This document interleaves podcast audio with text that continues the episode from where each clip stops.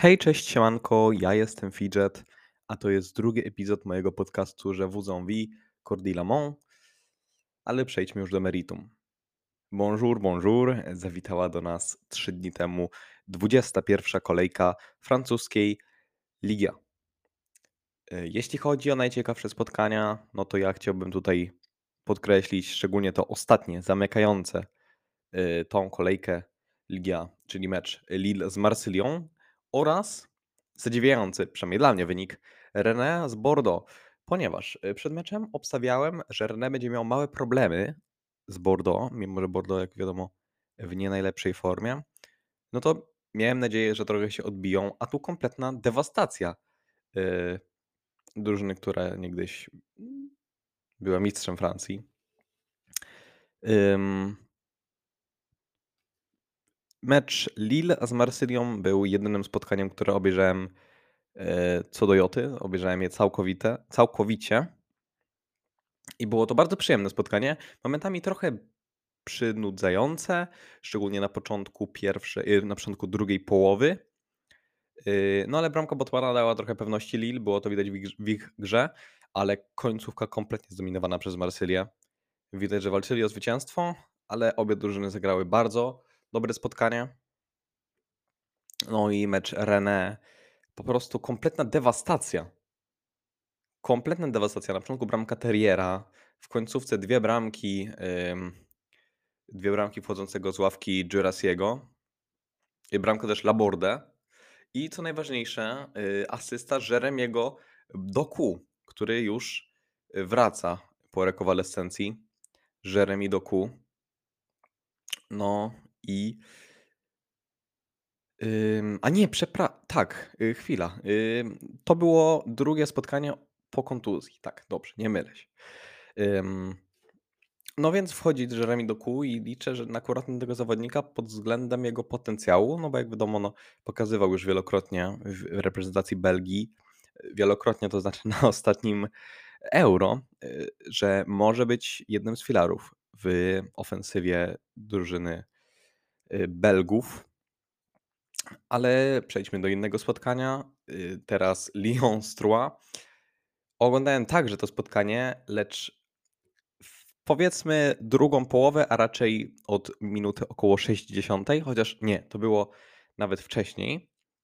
I ten mecz był dla mnie straszną męczarnią. Po prostu Lyon grał tak słabo, że naprawdę ta bramka w końcówce, gdzie um, to był Leo Dubois, wybił z przewrotki y, z linii wręcz piłkę, no to ta bramka dla Trua się należała, oczywiście pod względem bardziej mentalu niż pod tym, że no wiadomo, bramka nie padła. Y, patrzyłem po powtórkach, się właśnie zaskoczy... zaskoczony trochę byłem tym, że nie została pokazana powtórka z waru na przykład, ani że sędzia w ogóle nie sprawdził waru. Przynajmniej tak mi się wydawało, tego nie zauważyłem. No ale nie ma bramki, Trua przegrywa u siebie z Lyonem, no i trochę dla Lyonu to wygląda lepiej, ale no to ciągle jest dziesiąte miejsce w tabeli. A nie, przepraszam, w tym momencie jedenaste miejsce w tabeli przez remis Lille.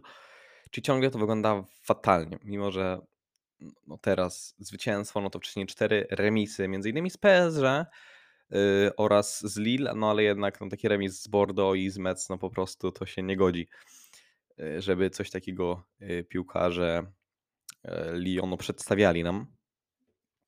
PSG wygrało z Brestois 2 do 0. Skromne zwycięstwo, ważna bramka Carrera na początek drugiej połowy. No a dalej no to raczej takie rozgrywanie meczu no tak dla zabawy bardziej, jeśli chodzi o PSG.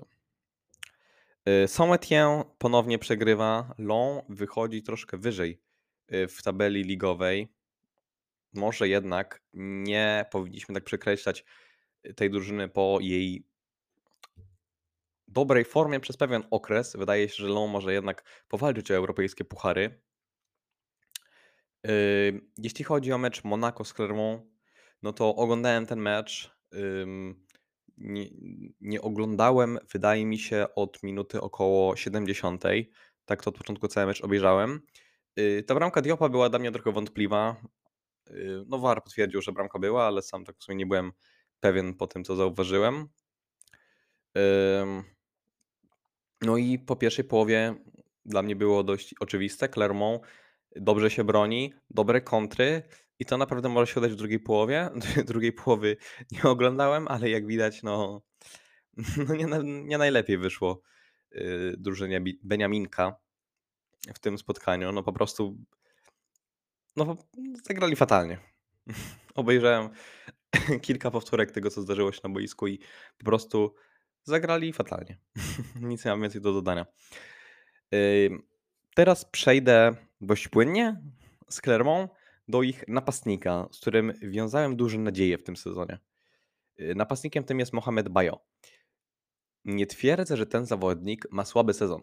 17 meczów, 9 bramek i 2 asysty bez żadnych kartek. To jest dobry wynik. 17 bramek, 9 asyst, 9, 7, 17 meczów y, i 9 bramek na zawodnika Beniaminka to naprawdę jest dobry wynik.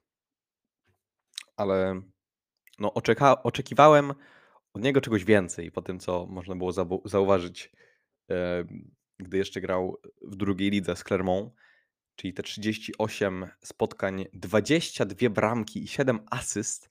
Dla mnie to był niesamowity wynik. Od razu się zakochałem y, w tym Gwinejczyku. Y, no i związałem z nim przed sezonem, przed rozpoczęciem sezonu duże oczekiwania. I troszeczkę się pomyliłem. W sensie, no właśnie jak zacząłem, nie twierdzę, że jest on, że wygasł jakoś po awansie. Grał on dobrze, ale myślałem, że będzie, znaczy dobrze, no gra właściwie prawie, że można powiedzieć bardzo dobrze.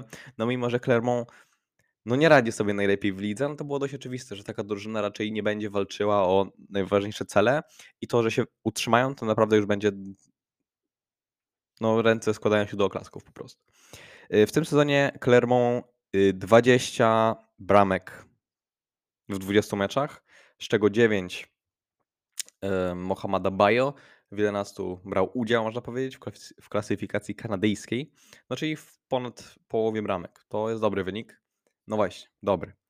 A jak zacząłem, oczekiwałem od niego czegoś po prostu więcej.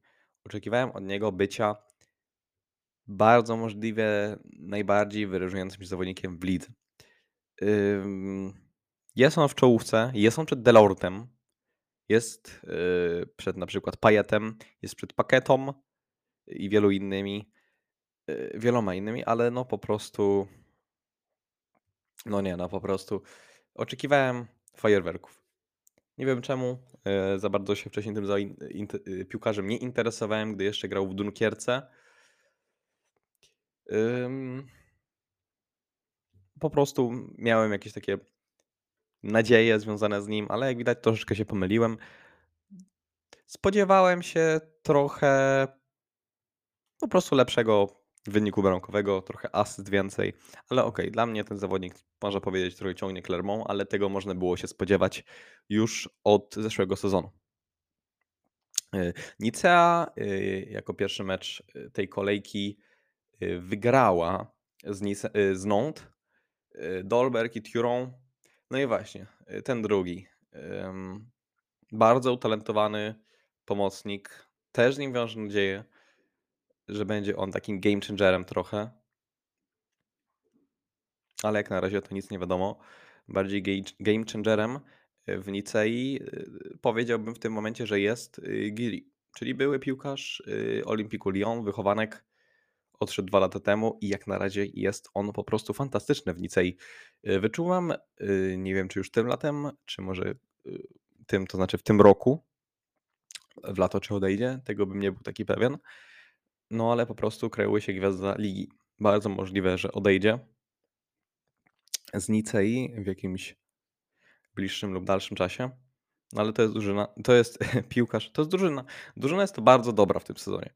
Mają oni teraz drugie miejsce, będą walczyli po prostu o Ligę Mistrzów. Bardzo możliwe, że tylko z Marsylią, chociaż Renet już się jeszcze może wciągnąć yy, w tą walkę. No ale Monaco już raczej nie kwalifikuje jako drużyna, która jest potencjalnie drużyną, która może walczyć o Ligę Mistrzów. Po prostu jakoś nie wyobrażam sobie, żeby w tym momencie po takiej przebudowie w środku sezonu, żeby Monaco miało szansę, chyba że nagle um, drużyna z księstwa zacznie grać po prostu piłkę fantastyczną. Um, po prostu tego nie oczekuję od nich. Bardzo to możliwe, że tak się zdarzy. Często się mylę w takich sprawach, ale takie są moje przeczucia. Yy, kolejne spotkanie. Strasburg 3 do 1 z Montpellier. Tego wyniku się zdecydowanie nie spodziewałem yy, po tej drużynie. Tym bardziej, że są one tuż obok siebie, koło, yy, tuż obok siebie w lidze. Na samym początku bramka Mole, którą udało mi się zobaczyć, ale potem jakoś nie za bardzo się wkręciłem w ten mecz i po prostu go wyłączyłem. Ale to, co się wydarzyło w końcówce, po prostu no, zszokowało, gdy zobaczyłem, co się stało. Yy, trzy bramki i dobijająca bramka yy, Kevina Gamero. Jeszcze Thomas, wcześniej jeszcze yy, Thomason i Mayed. Mm, no i co mogę powiedzieć? No po prostu dobry mecz z Strasburga. No, zagrali na miarę oczekiwań.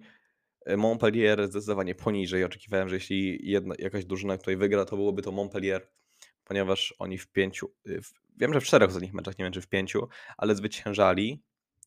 Yy, no i tyle, mimo że grali trochę ze słabszymi drużynami, no to po prostu zwyciężali. Oczekiwałem tutaj dobrego meczu y, na podobnym poziomie. No a tutaj, znaczy no, to był mecz w sumie na podobnym poziomie, yy, tyle że no, w końcówce po prostu Strasburg wystrzelił. Yy, do ciekawszego, do ciekawszych spotkań można.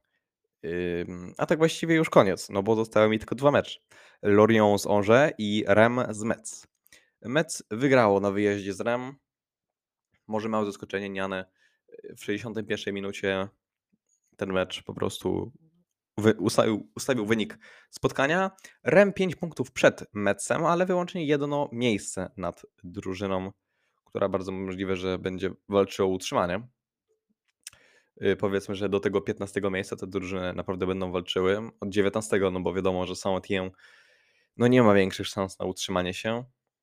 No i za bardzo niewiele mam do powiedzenia o tym meczu, niewiele widziałem powtórek.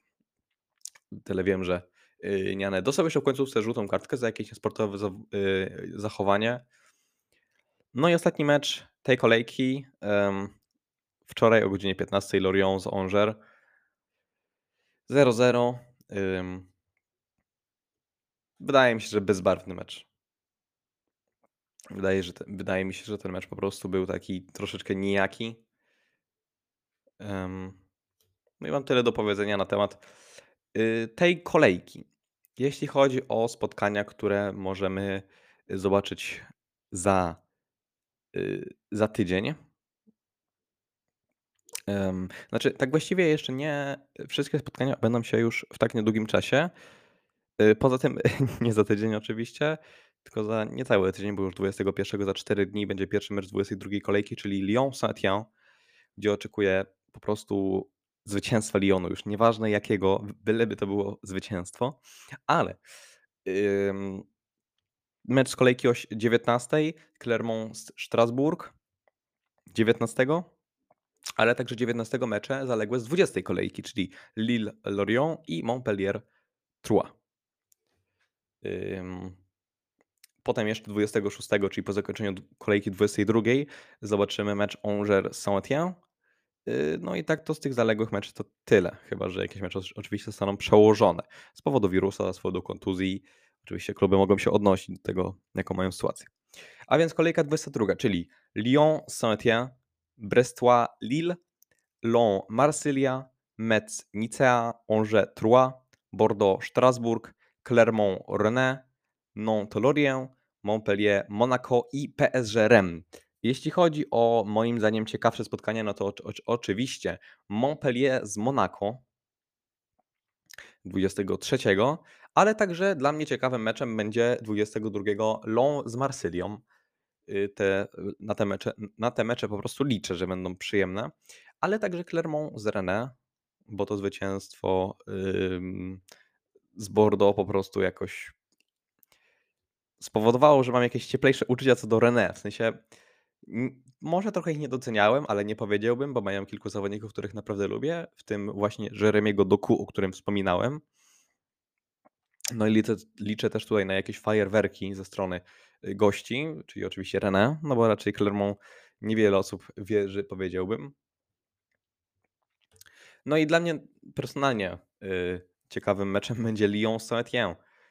No i tak jak mówiłem, nieważne jakie zwycięstwo, byleby udało się Lyonowi wygrać. Będziemy mieli mecz na Kanal Plus Sport yy, 2 i na Eleven Sport 3.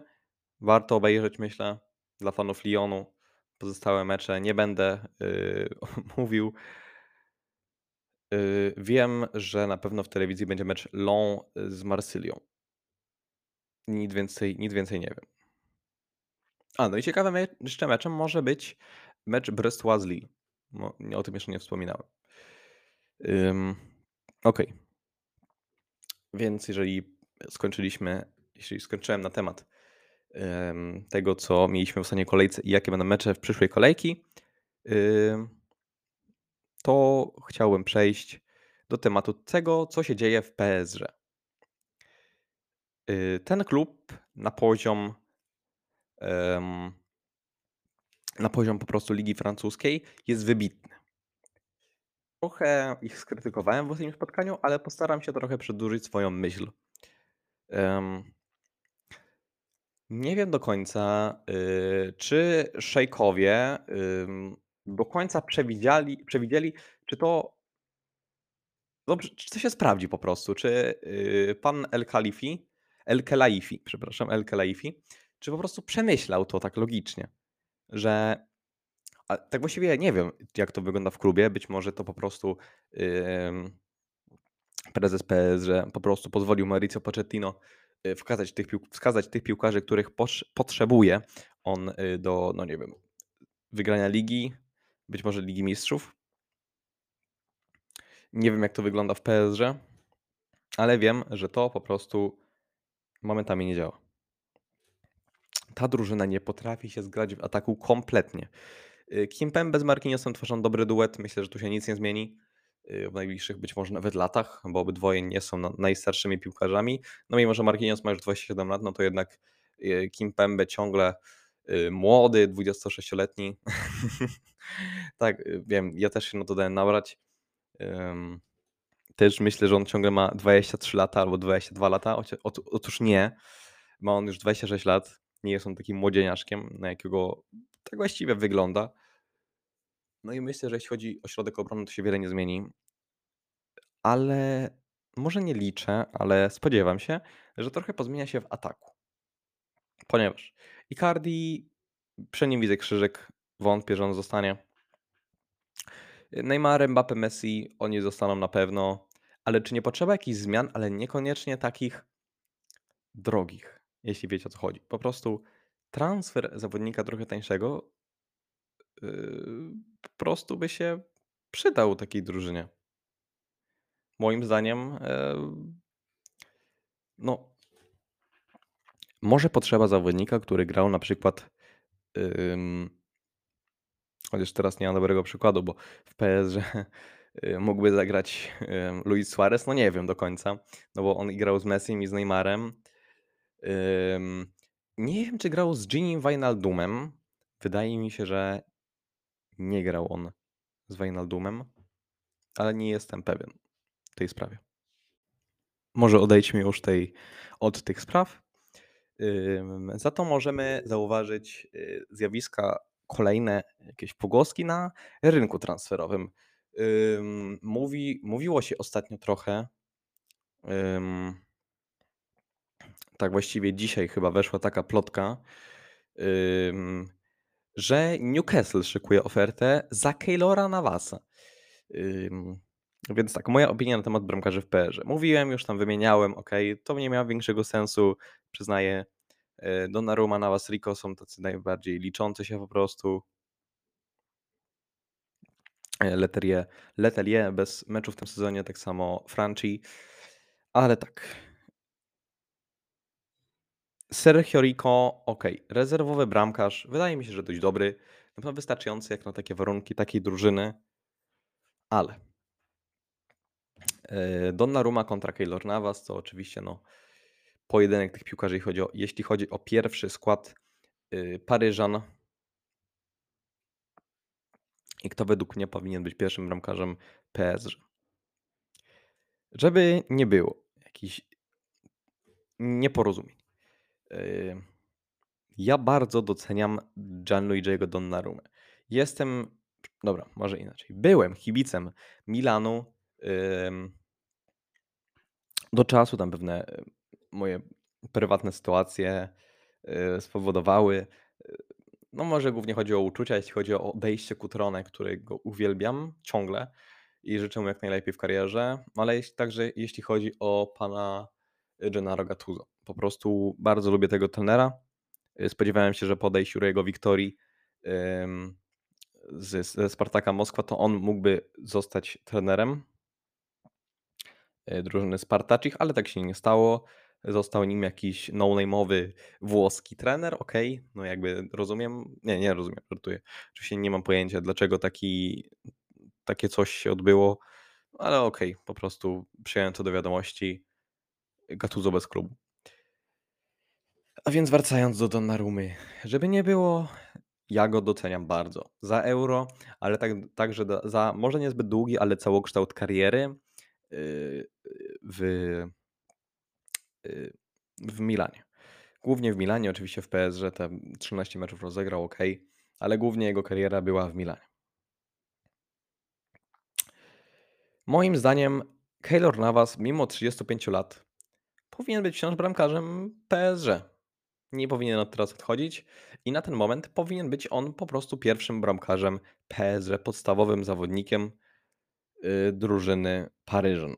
I dla mnie to jest po prostu niezaprzeczalne, ponieważ John Donnarumma gra dobrze, ale Keylor Navas gra fantastycznie i tu po prostu tyle mam do powiedzenia. Dobrze kontra fantastycznie to no PSG musi hmm. jeśli PSG sprzeda na Navasa do Newcastle, to będzie dla mnie szokujące dość. Po prostu będzie dla mnie to szokujące i to będzie coś kompletnie niespodziewanego.